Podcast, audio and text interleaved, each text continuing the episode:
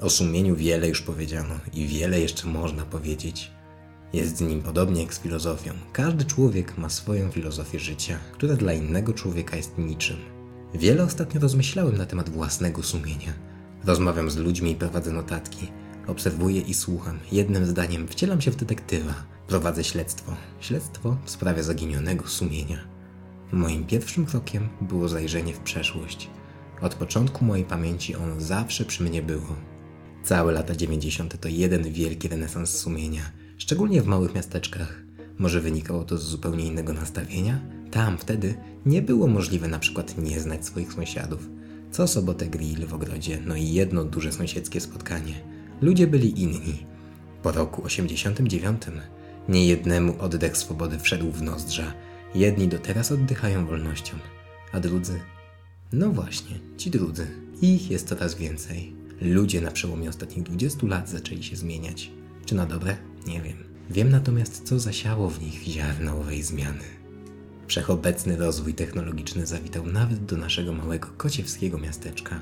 Ludzie zaczęli wyjeżdżać do dużych miast. Do wielu domów trafił komputer, więc na co sobotnie grille nie było już czasu. Z dnia na dzień sąsiedzi zaczynali żyć jak obcy ludzie, pomimo wiszącego jeszcze w powietrzu zapachu wolności. Z twarzy znikały uśmiechy, jeden po drugim. Wyjechałem i ja.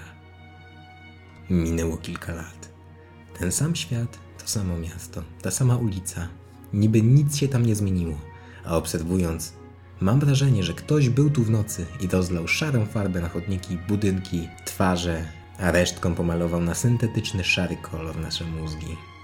Zabieg najwyraźniej przyniósł zamierzony efekt. Ludzie z kolorowych drewnianych domków z ogrodem zaczęli wyjeżdżać do szarych, obojętnych miast i wprowadzali się do szarych, obojętnych i śmierdzących PRL-owską opieką jeszcze bloków, by mieszkać wśród szarych, obojętnych i nic o sobie nawzajem niewiedzących, obcych już ludzi. Schyłek lat 90. to też prężny rozwój ogromnych korporacji. To dzięki nim w szarym świecie mamy mieniące się kolorami produkty, nic dziwnego, że podświadomie tak bardzo tych kolorów potrzebujemy. Co się stało z sumieniem? Razem z ludźmi wyjechało do dużych miast i zostało skomercjalizowane. Od tamtego momentu zaczęła obowiązywać odpowiedzialność zbiorowa. Od tamtego momentu nie ma ja, jesteśmy my, czyli tak naprawdę nikt. Do tego przełomu, który nazwę roboczo erą emigracji, sumienie było dla mnie zegarem, który chodzi zawsze dobrze. Tylko my czasem chodziliśmy źle. Teraz ten jeden wielki, dumny zegar rozbity został na setki tysięcy małych telefonów komórkowych i zdjęty z ręki społeczeństwa spoczywa schowany głęboko w mrocznej czeluści kieszeni obok papierosów i portfela. Czy właśnie to miały na celu wielkie korporacje? A może kto inny za tym stoi? Nie wiem. Jedno jest pewne: gospodarka centralnie sterowana nikomu już nie zagrażała. Oto narodził się wolnorynkowy kapitalizm. Nadszedł moment, w którym zorientowałem się, że coś jest nie tak że kapitalizm przeobraził się w złośliwy nowotwór, który zaczął gnić.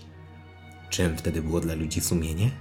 Żeby się przekonać, zapytałem się wówczas pierwszego lepszego, no i oczywiście obcego mi sąsiada, czy ma sumienie. Odpowiedział: Sumienie mam. Mam czyste. Nieużywane. Chcesz kupić? To mi wystarczyło. Wystarczyło to też, by rozkwitł handel sumieniem. Zaczęto wynajmować sumienie w formie adwokatów i coachów. Radykalnie zmieniła się też rola samego sumienia, bo odtąd ten cichy głos nie mówił ci już, że nie masz popełniać przestępstwa, tylko przestrzegał cię, by nie zostawiać odcisków palców. Jedno zostało na szczęście po staremu. Są jeszcze ludzie, dla których sumienie to świadomość, że istnieje w człowieku trybunał wewnętrzny. Trybunał, na którym niezależnie od okoliczności zawsze można polegać. Nie ma ani jednego naukowca, który chciałby zmierzyć się z tematem sumienia. Pewnie dlatego, że jeżeli jakiegoś zjawiska nie można z przyczyn zasadniczych zmierzyć ani zdemontować, to zjawisko to dla nauki nie istnieje. A przecież tak samo jak istnieje człowiek, istnieje jego sumienie. Nie ukrywajmy, że jest ono czymś nadprzyrodzonym, nieziemskim, jak nasza dusza. Nie nakładajmy więc na nie maski racjonalizmu i postarajmy się znaleźć, posłuchać i oswoić je. Ono jest przecież częścią naszej osobowości, naszego ja. Spójrzmy na siebie jak na bardzo złożony, głęboki układ i postarajmy się zaakceptować w całości tacy, jacy jesteśmy.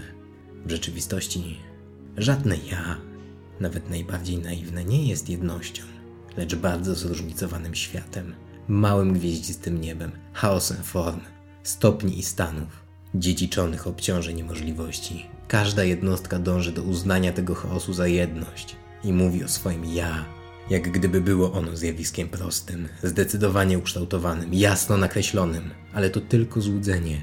Właściwie każdemu człowiekowi, nawet najdoskonalszemu, jest, jak się zdaje, pewną koniecznością, postulatem życia, tak jak oddychanie i jedzenie.